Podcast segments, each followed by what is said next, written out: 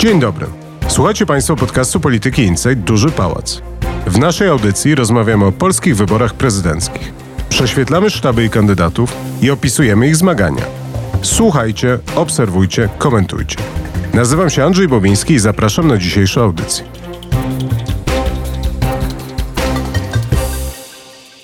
Jest środa 13 maja. Od naszej ostatniej rozmowy w podcaście Duży Pałac wydarzyło się wszystko. W piątek Jacek Kurski i Zbigniew Ziobro przekonali Jarosława Kaczyńskiego, żeby wybory odbyły się 23 maja. W sobotę politycy porozumienia i Mateusz Morawiecki przekonali Jarosława Kaczyńskiego, żeby nie przeprowadzać wyborów w maju. W niedzielę nie odbyły się wybory 10 maja. W poniedziałek prezydent Andrzej Duda zarapował o ostrym cieniu mgły. Wreszcie we wtorek Sejm w trybie hiperekspresowym przyjął ustawę o wyborach prezydenckich. Głosowanie będzie hybrydowe, w lokalach i korespondencyjne. Przywrócona została rola PKW, a marszałek Witek ma teraz 14 dni od niedzielnej uchwały PKW na wskazanie daty nowych, starych wyborów. Ja chciałem rozmawiać dzisiaj o mikrokandydatach, ale Wojtek Szacki zawetował ten pomysł. Chcę rozmawiać o prezydencie Andrzeju Dudzie. Wojtku, dlaczego? Bo to chyba dla Andrzeja Dudy najwięcej się zmieniło wraz z przeniesieniem daty wyborów na bliżej nieokreślony termin letni. I to on najwięcej może na tym przełożeniu wyborów stracić. No to opowiedz, co się zmieniło. Znaczy, rozumiem, że od dłuższego czasu wychodziliśmy z założenia i to też powtarzaliśmy, że Andrzej Duda jest niekwestionowanym faworytem tych wyborów i że ciężko sobie wyobrazić, żeby mógł je przegrać. Czy to się zmieniło? Moim zdaniem zmieniła się jedna fundamentalna rzecz, to znaczy gdyby wybory odbyły się jednak 10 maja w formule korespondencyjnej i przy licznych wezwaniach do bojkotu takich wyborów, to Andrzej Duda wygrałby to prawdopodobnie w pierwszej turze i e, już mielibyśmy w tym momencie prezydenta na kolejne 5 lat. Wydaje mi się, że wraz z odmrożeniem kampanii, wraz z powrotem platformy, być może jakąś reaktywacją lewicy przy coraz silniejszym Szymonie Hołowni. Niemożliwe jest w tym momencie to, że prezydent wygra te wybory w pierwszej turze, a druga tura to jest zawsze jakieś ryzyko, ten wynik zawsze gorzej wygląda. Myślę, że prezydent jest bardzo niezadowolony z tego, że ma jeszcze przed sobą te półtora miesiąca, czy też prawie dwa miesiące kampanii. To może spójrzmy na sondaże. Mniej chodzi mi tu o sondaże partyjne i prezydenckie, ale bardziej na różne badania nastrojów społecznych. Rozumiem, że od pewnego czasu widzimy, że te nastroje się zmieniają, że się pogarszają. Powiedz więcej. Dysponujemy pewną pulą badań Cebosu oraz Kantara, z których wynika, że Polacy coraz gorzej oceniają przyszłość Polski, mówiąc patetycznie, a konkretnie przyszłą sytuację gospodarczą, a także stan spraw obecnych. W tym momencie jeszcze Polacy wciąż nie odczuli, czy też większość Polaków nie odczuła bezpośrednio skutków kryzysu. Z powtarzających się badań wynika, że mniej więcej 30% badanych ma poczucie, że żyje im się gorzej. Część z nich straciła pracę, część z nich musiała zamknąć swoje firmy, część nie dostała pomocy od rządu. W każdym razie takie bezpośrednie efekty koronawirusa w sferze gospodarczej odczuło właśnie około 30% Polaków. Część z nich żyje z oszczędności, część z nich dostaje pewnie jakieś pożyczki od rodziny. Jakoś się trzymają. Nie ma jeszcze takiego zagrożenia bytowego dla istotnej części Polaków. Z badań Cebosu opublikowanych chyba wczoraj zapamiętałem, że mniej więcej 2% Polaków znajduje się w takiej najtrudniejszej sytuacji, czyli i straciło pracę, i nie ma oszczędności, i w dodatku jeszcze ktoś z rodziny stracił pracę. To jest jeszcze niedużo. Nie mam pewności, czy w ciągu najbliższych tygodni to się nie będzie pogarszało, a w zasadzie można się spodziewać, że się będzie pogarszało. Czy to przewróci Andrzeja Dudę? Prawdopodobnie jeszcze nie.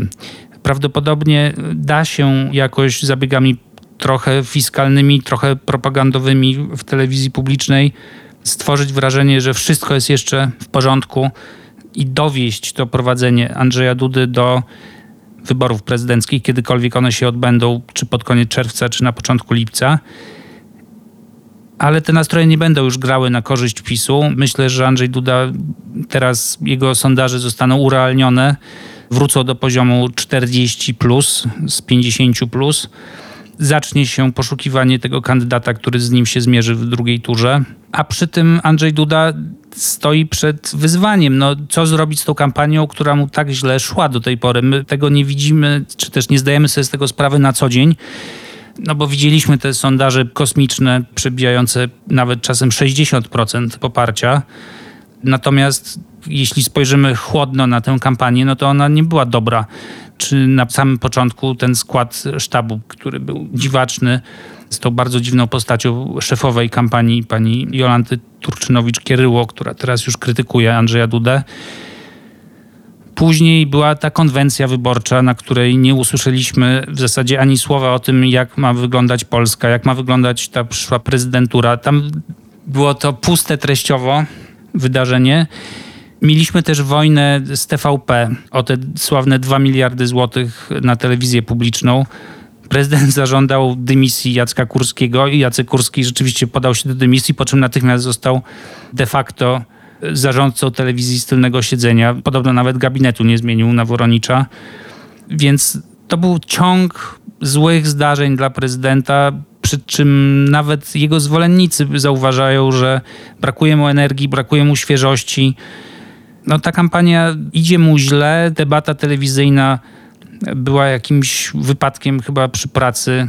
Prezydent cokolwiek o nim mówić, zwykle jednak radził sobie w tych debatach, a tutaj wypadł naprawdę blado. Chwilę później zresztą już zostało ogłoszone, że ta debata to trochę nie wiadomo po co była, bo wyborów nie będzie. Co też pokazuje z kolei pozycję prezydenta w obozie władzy, taką raczej przedmiotową niż podmiotową. No i najświeższy przykład, czyli Hot 16 Challenge. Andrzej Duda został dla jaj nominowany przez jednego z raperów Zeusa, który nominował również Gołębie za oknem w tym samym momencie co prezydenta.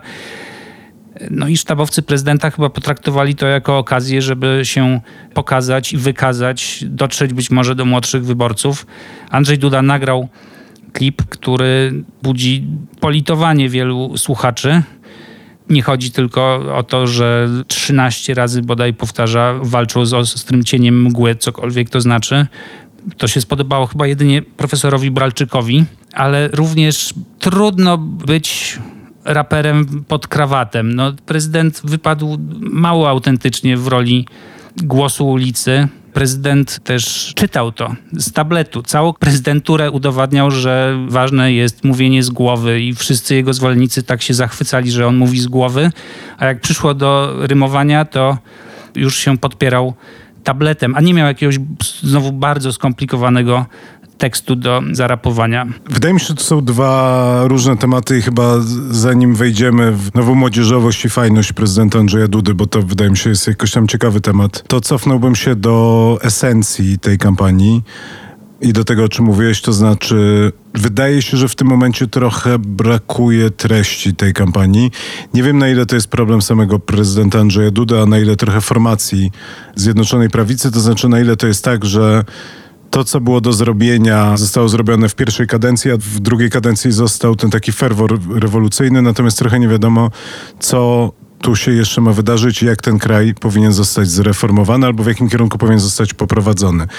Czy widzisz w tej sytuacji, w tym momencie jakiś pomysł na to, w jaki sposób można by jednak tchnąć jakieś życie intelektualne, stworzyć jakiś program, który Andrzej Duda mógłby opowiedzieć swoim wyborcom? Czy ten moment, w którym jesteśmy, taki reset, to jest okazja dla Andrzeja Dudy, czy jesteś w stanie sobie wyobrazić, co by mogło być teraz na sztandarach tej kampanii? No mnie zaskakuje taka bezradność, z jaką sztabowcy prezydenta, z którymi rozmawiałem, odpowiadali na pytanie, które ty przed chwilą postawiłeś, bo to było takie, no my też byliśmy zaskoczeni, że tych wyborów nie ma, jesteśmy nieprzygotowani, musimy się zastanowić. I chyba rzeczywiście tak jest, że nie ma tam na razie dobrych pomysłów, które by wypełniły tę próżnię programową.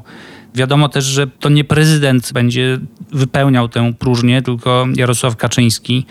Natomiast Andrzej Duda będzie miał to na sztandarze wypisane i trochę poniekąd będzie tym sztandarem. I czekam, no zobaczymy. Na razie prezydent rapuje i nie wypowiedział się nawet w sprawie nowych ustaw, nowego trybu wyboru. Tutaj spotkał się z marszałek Witek, z marszałkiem Grockim, ale czy to jest plan polityczny, czy to jest wizja prezydentury? Nie umiem odpowiedzieć na to pytanie. Ja mam wrażenie po prostu, że prezydent marzy o tym, żeby to się skończyło. A zapytam ciebie jeszcze o ten sztab, zanim przejdziemy do rapów. Ja nie jestem w stanie się zorientować, kto tam rządzi. W sensie, no rozumiem, że ton nadaje Adam Bielan, w sensie on jest najbardziej widoczny. Co i róż pojawia się Beata Szydło.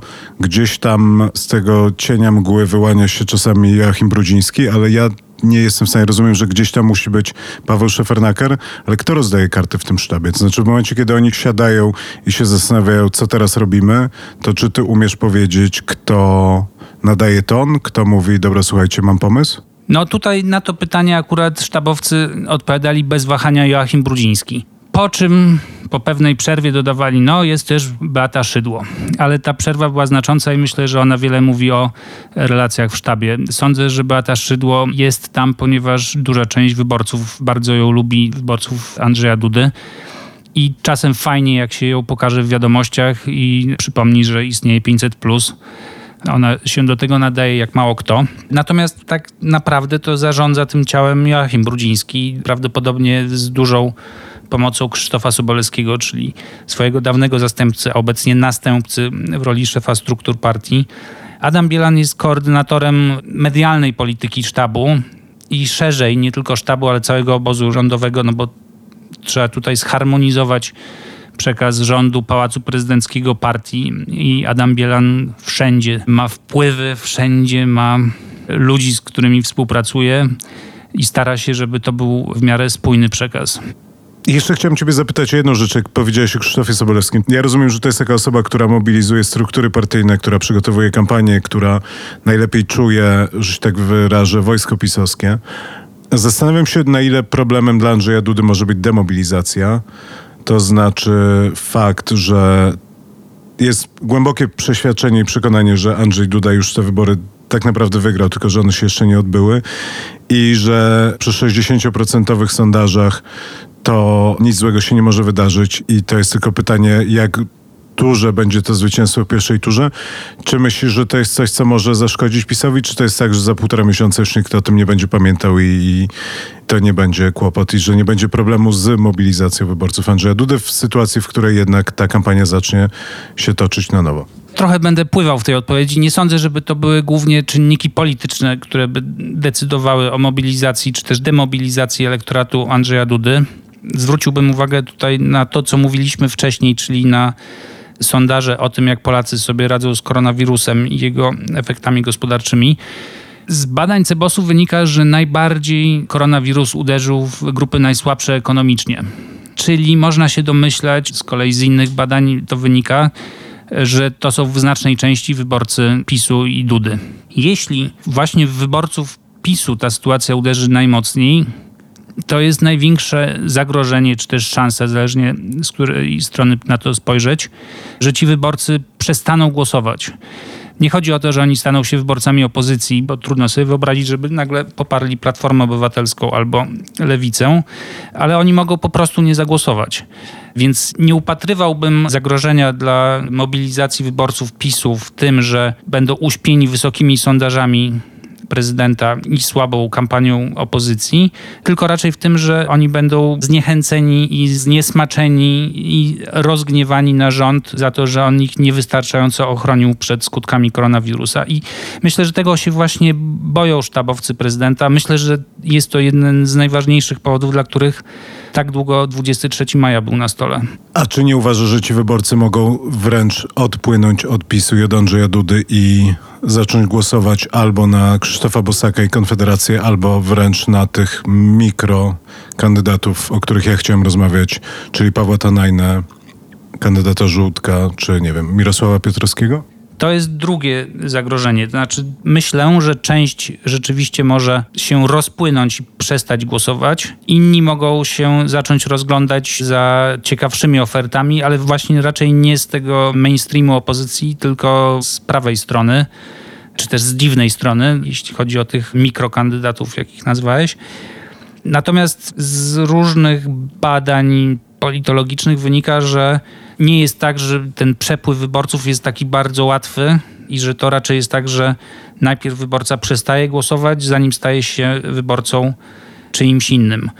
Nie wiem, czy wybory 10 maja były wystarczającymi wyborami, żeby ta śluza się otworzyła i uczyniła z wyborców zdemobilizowanych wyborcami innego kandydata. Wydaje mi się, że tutaj też ciekawa jest taka topografia kandydatów, topografia wyborcza. To znaczy do 10 maja ja miałem poczucie, że trochę jesteśmy w takiej rzeczywistości wszyscy na Andrzeja Dudę. Czyli choć ta opozycja się niesamowicie kłóciła i nie mogła się dogadać, jednak był to jeden front opozycyjny, to znaczy albo jesteś wyborcą Andrzeja Dudy, albo nie jesteś wyborcą Andrzeja Dudy.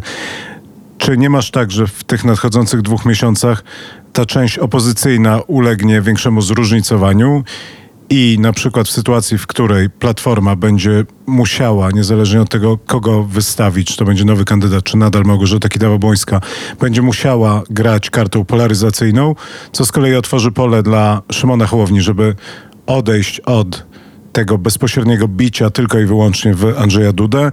I wtedy on będzie mógł próbować zagrać kartą antypartyjną, antyestablishmentową, będzie zmęczony tym konfliktem PiS-Platforma. Wreszcie wtedy Władysław Kośniak-Kamysz będzie mógł grać kartą jedności i spokoju. To znaczy, że chodzi mi o to, że do 10 maja wszystko było trochę jasne i te role były rozpisane. W tym momencie otwiera się nowe pole gry dla innych kandydatów. No pewnie najbliższe dni pokażą, na ile ta kampania będzie przypominała tę kampanię, z którą mieliśmy do czynienia dotychczas. Sądzę, że jednak wiele się zmieni. Wraz z uchwaleniem nowej ustawy myślę, że wkrótce usłyszymy, że Małgorzata Kidawa-Błońska jednak nie będzie kandydatką Platformy i wtedy wiele zacznie się na nowo. Ale nie potrafię w tym momencie przewidzieć, jakie będą i przepływy elektoratów i co za tym idzie, jakie będą decyzje kandydatów i ich sztabów o tym, na jakim polu gry grać i w jaką grę. Sądzę, że podstawowym celem Platformy będzie zniszczenie Szymona Hołowni. Inaczej nie będzie w ogóle szans nawiązać walki z Andrzejem Dudą. Platforma musi, jeśli chce przetrwać jako partia, jeśli chce uzyskać przyzwoity wynik w tych wyborach prezydenckich, a moim zdaniem te cele się ze sobą wiążą, musi najpierw próbować posprzątać na poletku opozycyjnym.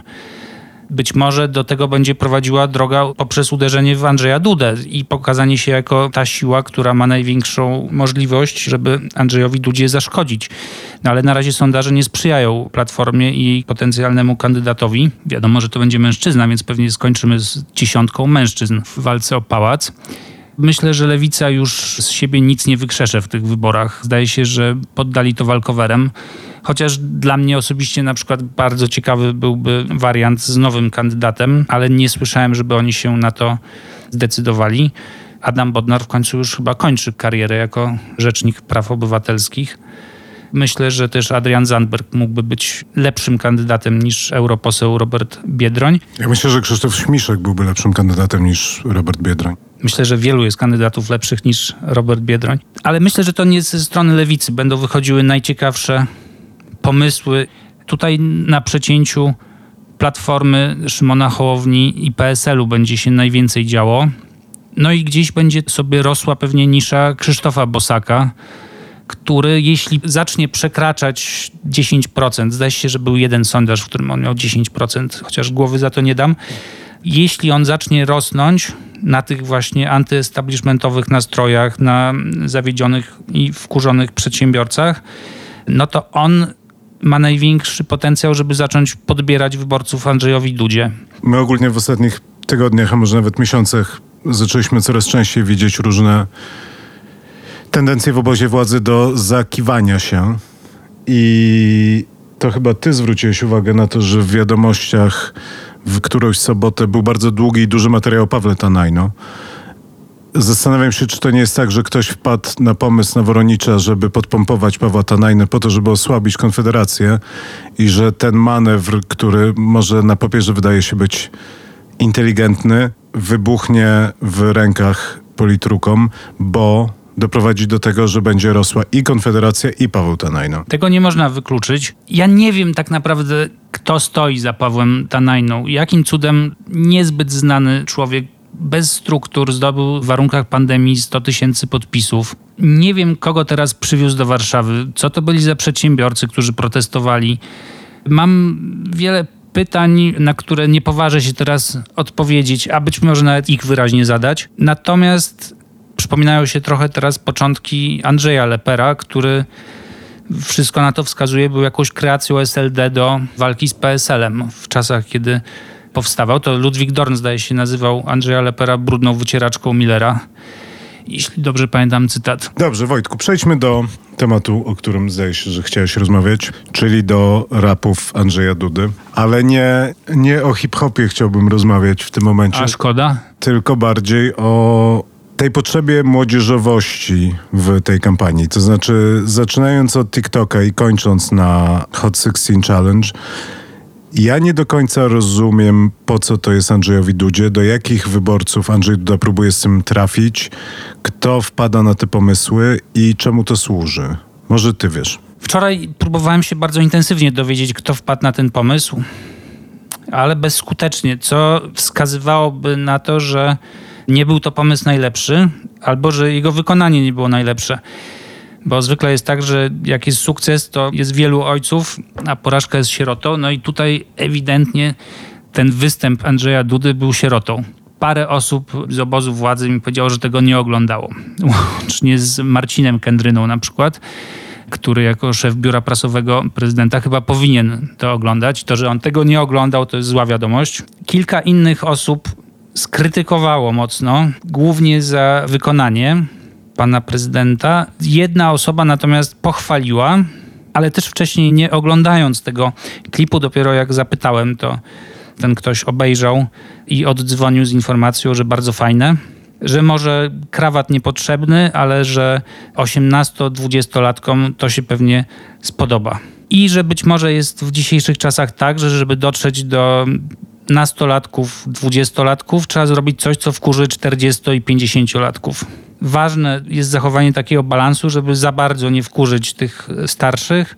No ale z kolei trudno mi sobie wyobrazić, żeby prezydent zraził do siebie skutecznie masę wyborców z tego swojego najtwardszego elektoratu tym, że słabo mu poszło rapowanie a być może jest tutaj jakieś pole do otwarcia się na młodych, chociaż z kolei reakcje środowiska raperskiego, do którego teoretycznie prezydent się jakoś tam odwoływał, no były mocno negatywne.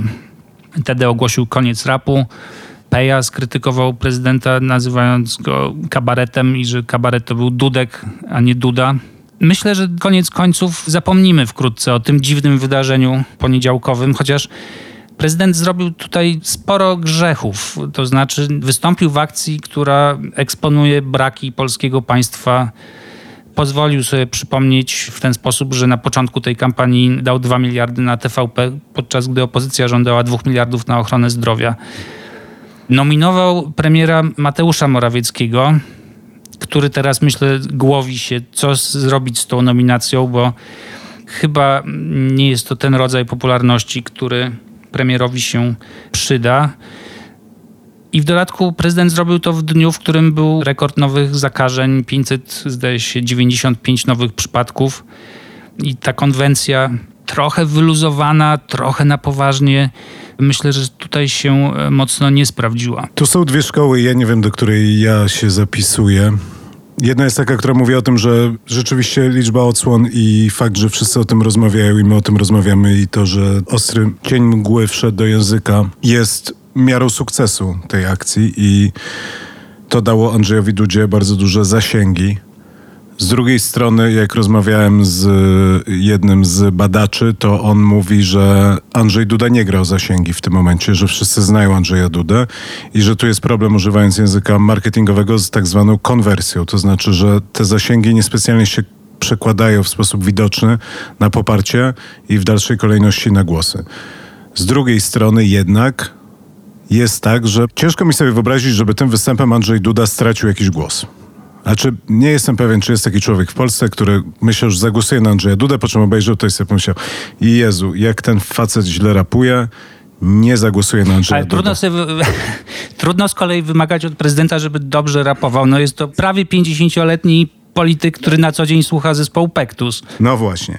A z drugiej strony rozumiem, że jest jednak ileś osób w Polsce, która mogła zapomnieć o tym, jaki Andrzej Duda jest fajny, obejrzeć ten klip i sobie pomyśleć, no ten Andrzej Duda w sumie taki prezydent, ale jednak wyluzowany, uśmiechnięty, bawiący się konwencją i nie wchodzić w te szczegóły tego wszystkiego, czemu służy ta akcja, kto ją nakręcił, kto go nominował, czy tam były jakieś gołębie za oknem i tak dalej, i tak dalej, tylko po prostu uznać, że w sumie to fajnego mamy prezydenta i jak przyjdzie co do czego, to znowu na niego zagłosuję. Już trochę zapomniałem o tym, że on jest, ale i tutaj na TikToku występuje i tutaj potrafi zarapować, więc może jednak jest tak i tu bym chyba szedł ku podsumowaniu, ale zadał ci to pytanie trochę na kontrze do tego, o czym dzisiaj rozmawialiśmy, że my patrzymy tradycyjnie na tą politykę codziennie, bardzo uważnie, sprawdzając nieszczęsnego Twittera 17 razy na godzinę i obserwujemy każde drgnięcie, a kampania Andrzeja Dudy i Andrzej Duda jest w trochę innej rzeczywistości i niezależnie od tego, czy tu jest treść, nie ma treści, ma pomysły, nie ma pomysłów i tak dalej, i tak dalej, jednak koniec końców to jest tak, że Andrzej Duda podoba się swoim wyborcom. Odwiedził wszystkie gminy w Polsce. Powiaty. Powiaty, nie wiem, raz, dwa razy. Agata Kornhauser-Duda szyje maseczki, Andrzej Duda rapuje i wszystko się zgadza i tak naprawdę tu to pole jest gdzie indziej i że jedyne, co tak naprawdę może rzeczywiście zaszkodzić Andrzejowi Dudzie, no to są rzeczywiście te nastroje społeczne i rosnący kryzys gospodarczy. To są tak naprawdę jedyne dwa obszary, które są dużym zagrożeniem dla Andrzeja Dudy. Ja jeszcze na chwilę wrócę do tego rapu, bo trochę jest tak, że wydarzenie samo w sobie nie jest jeszcze przesądzające w żadną stronę. Liczy się kontekst. Kontekst jest taki, że wiadomości o tym nie mówiły. Raz pierwszego dnia było tylko migawka przez jakieś dwie sekundy. Ja myślę, że mogli się bać, że obejrzy to Jarosław Kaczyński się zdenerwuje. Być może. Następnego dnia już w ogóle nic nie było. To by wskazywało na to, że jednak ten pomysł albo jego wykonanie nie było najlepsze. Natomiast było o tym sporo w faktach i w tonie bardzo krytycznym i wypowiadali się wyłącznie przeciwnicy prezydenta oraz kpiąco i również inni kandydaci zaczęli o tym mówić. Tutaj Szymon Hołownia najszybciej wskoczył na ten temat. I gdyby ta strona, umownie mówiąc, liberalno-lewicowa potraktowała Andrzeja Dudę tak, jak wiadomości traktują jego kontrkandydatów, to mielibyśmy teraz serial przez tydzień językoznawców wypowiadających się, jak fatalny był to tekst Andrzeja Dudy, raperów, którzy by naśmiewali się z tego, jak on źle rapuje organizatorów akcji, która jest w swoim podstawowym wymiarze raczej antyrządowa i tam jak się ogląda te kolejne klipy, to tam przeważnie jednak rząd wypada bardzo źle i jest bezlitośnie krytykowany przez artystów a warto pamiętać o zasięgach, jakie robią te pozostałe filmy, no bo Andrzej Duda miał tutaj 4 miliony z hakiem wyświetleń, tak jak w tym momencie rozmawiamy ale inni uczestnicy tej akcji mają również kilkumilionowe zasięgi i prezydent wcale nie jest liderem w tym wyścigu.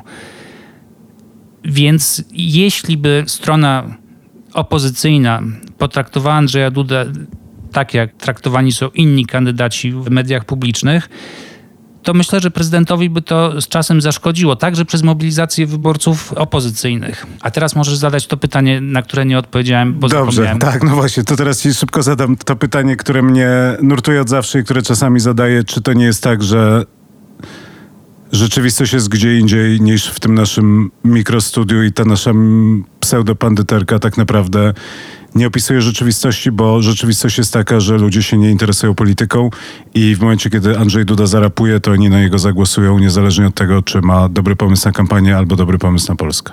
Mówiłeś coś jeszcze o nastrojach społecznych. Jedyne, co może zaboleć Andrzeja Dudę, to są spadające nastroje społeczne wynikające z pogarszającej się sytuacji gospodarczej, a cała reszta to są dydaskalia. No, historia ostatnich kampanii wyborczych pokazuje, że tak do końca nie jest, że jednak wyborcy tuż przed wyborami zaczynają się w zdwojony sposób interesować polityką, że wszystkie błędy zaczynają więcej ważyć, że ludzie zaczynają dostrzegać rzeczy, których na co dzień nie dostrzegają. Jakaś część wyborców zmienia zdanie jeszcze w ostatnim tygodniu kampanii, a niektórzy nawet w dniu głosowania. I tam wtedy wchodzi w grę mnóstwo czynników, wydarzenia z ostatnich tygodni, dni, czasem miesięcy. Wszystkie się odkładają jakoś w pamięci wyborców i w ostatniej chwili wpływają na ich decyzje. Myślę, że podstawowym oczywiście źródłem kłopotów potencjalnych Andrzeja Dudy będą nastroje społeczne w związku z koronawirusem i w związku z tym, w jakim stanie znajduje się polska gospodarka, ale że na to nakładają się różne inne wydarzenia, czy też mniej lub bardziej luźno związane z tym głównym. Znaczy, jeśli wyborcy będą wściekli na to, że państwo im nie pomaga, tym większej wagi nabierają na przykład informacje Gazety Wyborczej o tym, jak Ministerstwo Zdrowia zawarło jakiś kontrakt z jednym przedsiębiorcą, który był znajomym brata ministra. Więcej być może wtedy właśnie będzie ważył nieudany rap Andrzeja Dudy. Jeśli w Polsce jest kilkanaście tysięcy chorych, nie wiem, czy Polacy docenią udział prezydenta w tej akcji i tak dalej, i tak dalej. To jest splot bardzo różnych czynników, którymi się teraz pewnie zajmują badacze w badaniach fokusowych. No nie pozostaje mi nic innego niż się z sobą zgodzić, Wojtku. Dziękuję bardzo. Dziękuję.